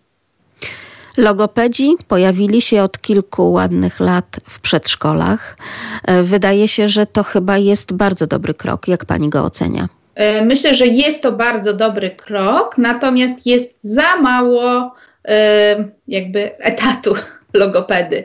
Przyznam szczerze, że, że jest plaga wad wymowy związanych z różnymi parafunkcjami, jak na przykład długie ssanie smoczka, E, ssanie kciuków e, i wiele dzieci w przedszkolu. Tak naprawdę jest tak, że mm, taką intensywną terapią logopedyczną, intensywną to ja mówię w przedszkolu jest możliwe raz w tygodniu na pół godziny, e, ewentualnie 45 minut dla dzieci starszych, obejmowane są dzieci, które mają największe problemy. I często jest tak, że, że rodzice dostają diagnozę na początku roku, E, z takim wskazaniem, że proszę mm, pójść do poradni psychologiczno-pedagogicznej lub skorzystać jakby z prywatnego gabinetu, bo logopedzi nie mają czasu. Jest tak dużo dzieci, które wymaga pomocy logopedy w dzisiejszych czasach. To jest trochę przerażające, bo kiedyś tak nie było. E, no, to jest właśnie prawda. Z czego może wynikać to, że tak wiele dzieci wymaga tej pomocy logopedycznej? Czy także z tego, że coraz więcej mamy dzieci wcześniej urodzonych? Czy wcześniaki mają takie niestety negatywne predyspozycje do tego, żeby, no żeby jakieś tam problemy logopedyczne się pojawiły? Tak, też jest taka możliwość, że, że właśnie wcześniaki e, mogą mieć różne, różne takie problemy. Natomiast wcześniaki e, bardzo często są też objęte pomocą terapeutów już od urodzenia i, e, i chodzą do, do e, logopedy prywatnie już nawet od, od samego początku, tak naprawdę. Wydaje mi się, że, że tutaj e, sednem tego, tego wzrostu y, osób, dzieci, które potrzebują pomocy logopedy, są takie nieprawidłowe mm, nawyki z domu. O tak bym to nazwała. Nawyki w wypowiadaniu się rodziców? Nie, bardziej długie używanie smoczka, bardzo długie picie z butelki, picie e, kaszek e, z butelek, to też się odbija na stanie zębów, e, widzą to też stomatolodzy. E, i ortodonci, bo tutaj jakby to już jest później um, cała fala specjalistów. Są dzieci 5-6-letnie, które piją mleko e, z butelki mm, i na przykład zasypiają też z tą butelką.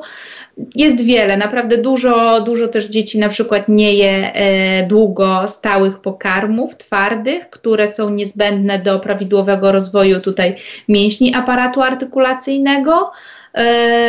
Bardzo długo na przykład zdarza się, że trafiają dzieci na terapię właśnie 5-6-letnie, które jedzą słoiczki, czyli takie papki. Niestety dzieci jedzące papki nie mają możliwości, żeby wykształcić, e, żeby pracować mięśnie, wypracować sobie mięśnie aparatu artykulacyjnego. To jest też e, bardzo duże. Mają obniżone napięcie na którym jakby to my terapeuci musimy pracować, no ale podstawową zasadą jest jakby odstawienie tych rzeczy, które je powodują. Padło już kilka razy to słowo smoczek. Pani zdaniem, jako specjalistki, rzeczywiście smoczek samo zło? Nie, nie uważam, że smoczek to samo zło. Sama jako mama korzystałam, znaczy ja, ja nie korzystałam sama. tylko e, podawałam moim dzieciom w granicach rozsądku, kiedy to było. Na przykład nigdy nie dawałam dzieciom smoczku, kiedy były spokojne, leżały i coś na przykład gaworzyły albo no nie wiem, no po prostu były spokojne. Zawsze jak były spokojne, to wyjmowałam smoczek z buzi. I dla mnie takim deadline'em było odstawienie smoczka w naroczek. No tak, e, to hasło odsmoczkowywanie to jest takie hasło, które na wielu blogach parentingowych robi niesamowitą karierę. No niezły tak. deadline nam tutaj pani podała, bo często jest to o wiele, wiele później jednak z takich doświadczeń to wynika. Takich, że często wtedy, kiedy dziecko idzie po raz pierwszy do przedszkola w wieku, prawda, tych trzech lat, czy tam dwa i pół roku, no to jeszcze z tym smoczkiem wędruje. No, według mnie to jest trochę za późno, o jakieś dwa lata za późno.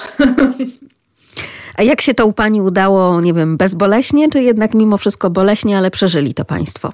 E, nie, u nas bezboleśnie, dlatego że ja podeszłam do tego tematu bardzo świadomie i jakby wiedziałam, że co mogę zrobić już wcześniej. I u nas były takie etapy. Najpierw był taki czas, że na przykład, co, tak, nie dawaliśmy na przykład w ogóle w dzień. Taki był pierwszy etap smoczka, odsmoczkowywania. Nie dawaliśmy w ogóle w dzień. Czyli e, kiedy dziecko płakało, starałam się w inny sposób je uspokajać niż dawać smoczek. Kolejnym etapem było odstawienie smoczka na drzemki, czyli podawanie smoczka do drzemki. Czyli próbowałam różnych e, metod usypiania dzieci, tak żeby nie podać smoczka. A ostatnim było, nie, jeszcze był przedostatni, czyli nie podawanie smoczka na noc, to tutaj jakby odstawiłam. I jeszcze czwarty etap, czyli nie podawanie smoczka dziecku, kiedy budzi się w nocy. I to jakby był ostatni, taki najtrudniejszy, najtrudniejszy dla rodzica. Według mnie. Czyli nie było żadnego obcinania na przykład nie. smoczka? Nie, nie, my to robiliśmy bardzo rozłożone w czasie. Ja to zaczęłam robić gdzieś w wieku od siódmego miesiąca zaczęłam. Czyli miałam te pięć miesięcy, żeby stopniowo, stopniowo odstawiać smoczek.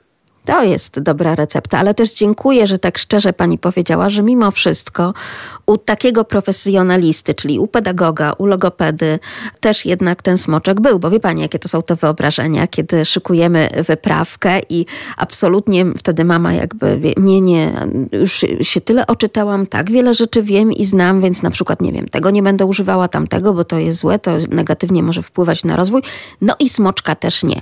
I nagle telefon z sali, prawda, w której mama z dzieckiem tych pierwszych kilka dni jest po porodzie do męża, słuchaj, przywieź smoczek. Jaki smoczek, jak tak. my żadnego nie kupiliśmy i mieliśmy nie używać.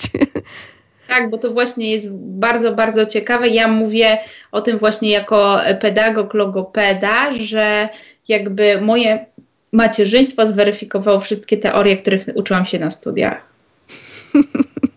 Poza tą smoczkową, to jaką jeszcze weryfikację pani przeszła jako mama?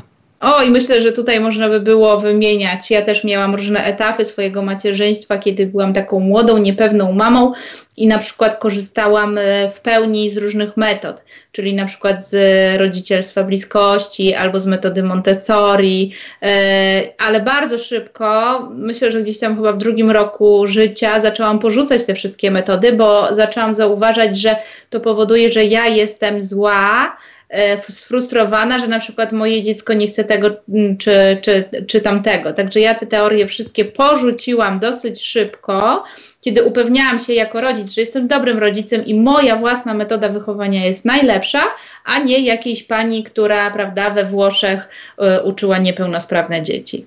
Na przykład.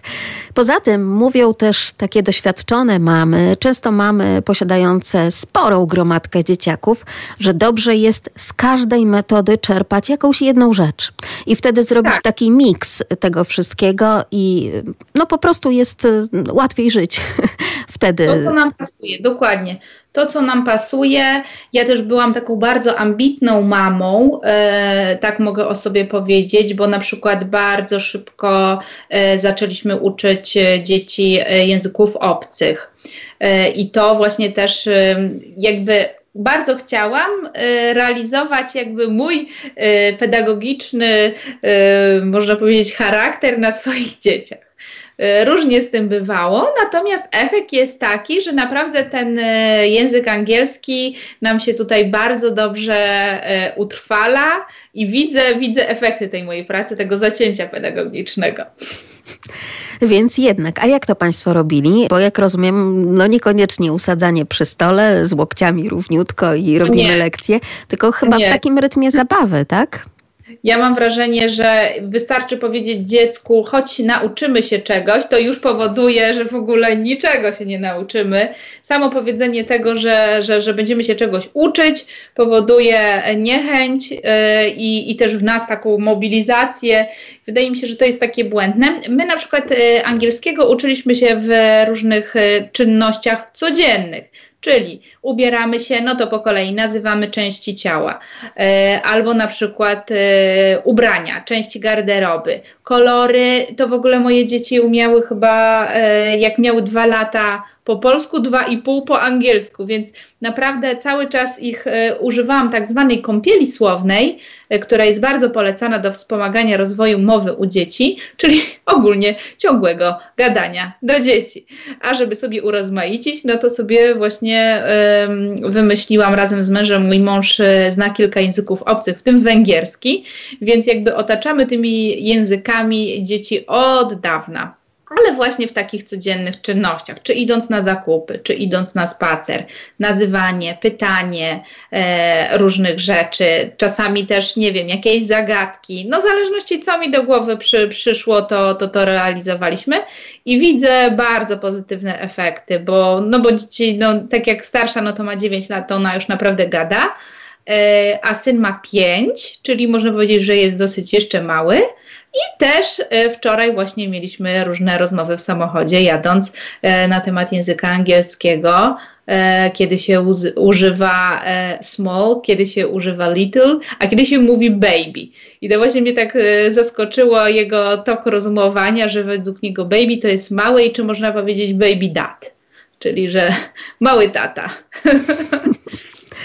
Bardzo ciekawe refleksje. Wspomniała Pani o kąpieli słownej. Ja pamiętam, kiedy odwiedzałam, nie będąc jeszcze mamą, moje koleżanki i po prostu e, moje oczy i uszy reportera no, były postawione w sztorc, kiedy to w kuchni e, dziecko niemowlę leżące na bujaczku gdzieś tam z jakąś grzechotką w dłoni e, było właśnie zarzucane słowami a teraz mamusia, zobacz, będzie tutaj robiła kawkę, bo tu przyszła taka ciocia, bo to jest właśnie koleżanka, a teraz zobacz, nastawiamy wodę, a tutaj czajnik czajnik będzie gwizdał, a teraz bierzemy szklaneczki, łyżeczki i tak dalej. Po prostu tak, wtedy nie wiedziałam, co ze sobą zrobić. Z boku to wygląda przekomicznie, natomiast ja widzę, że mamy mają to w sobie.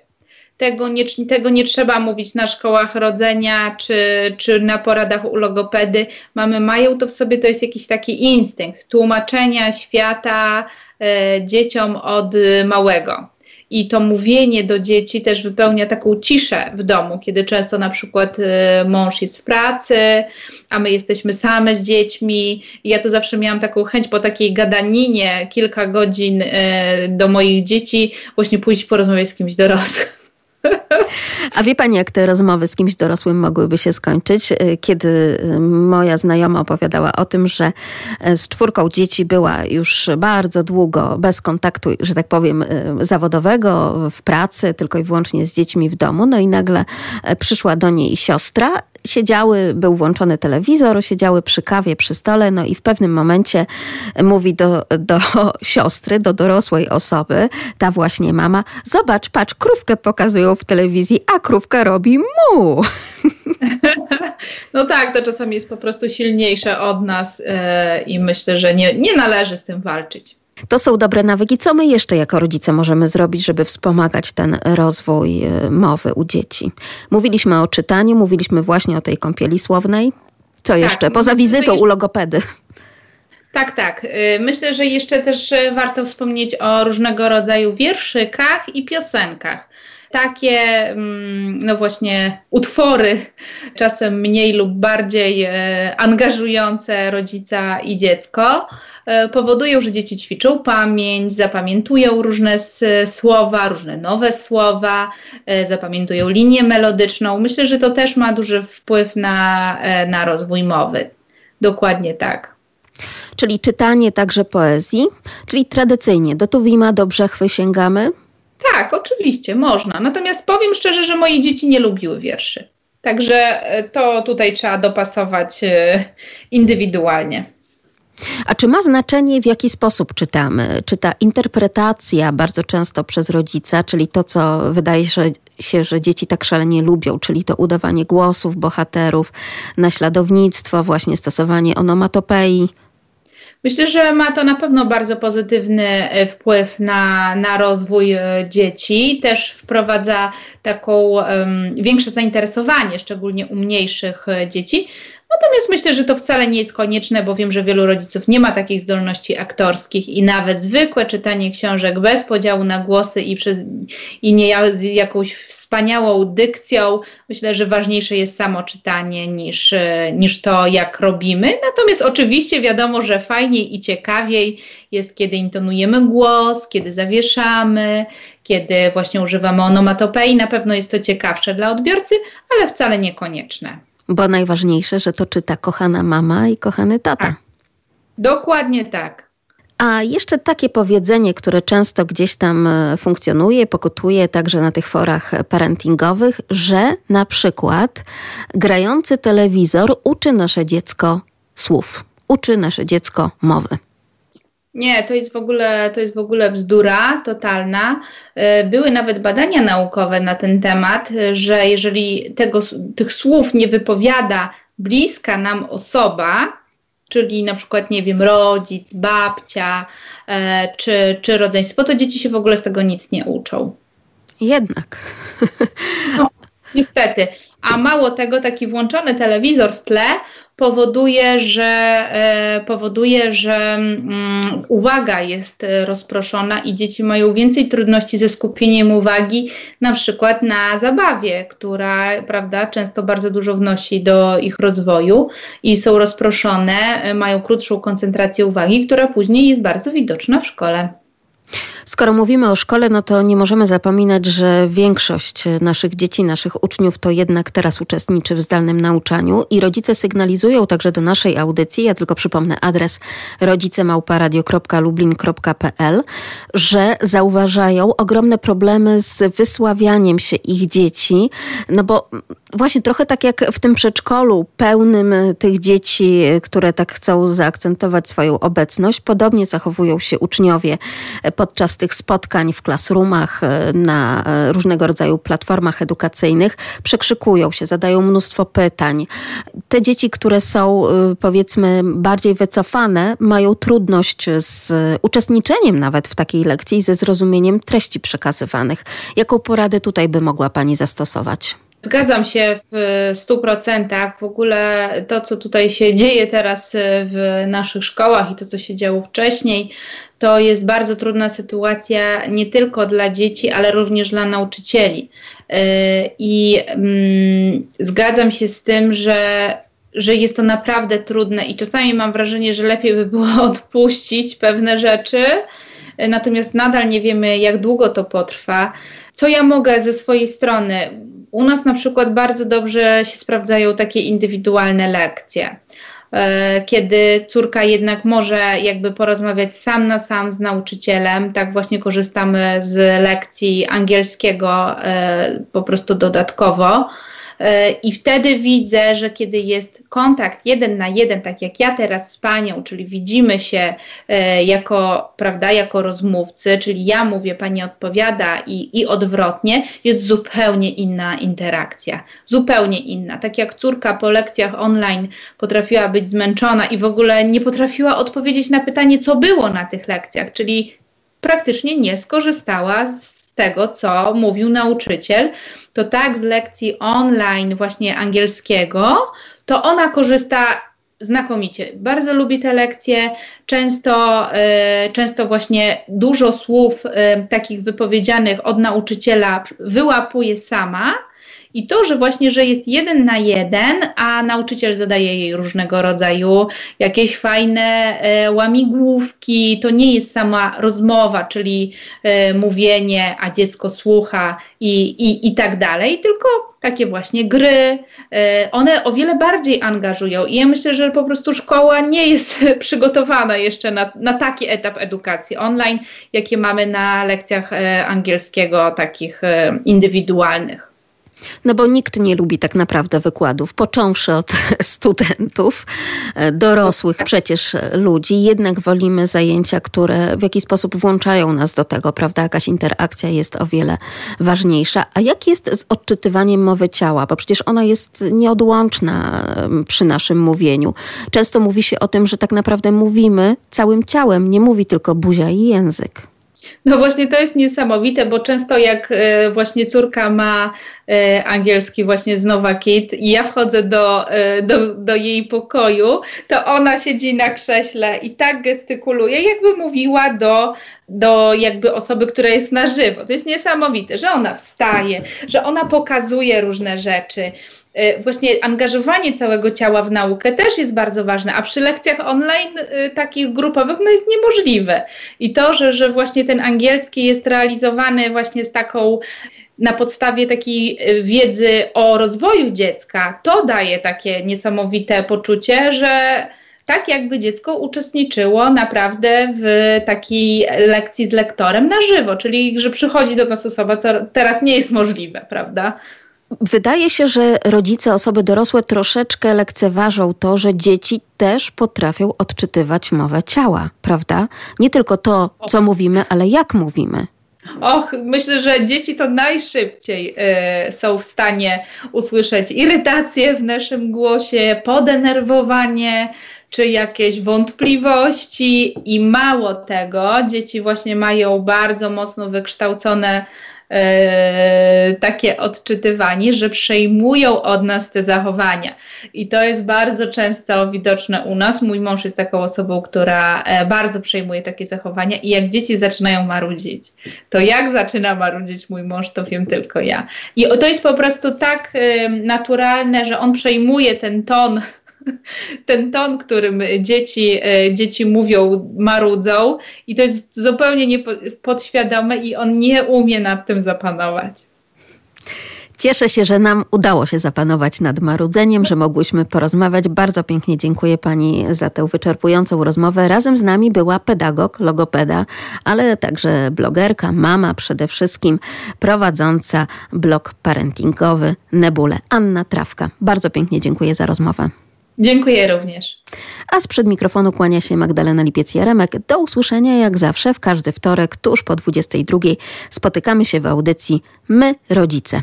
Dziękuję.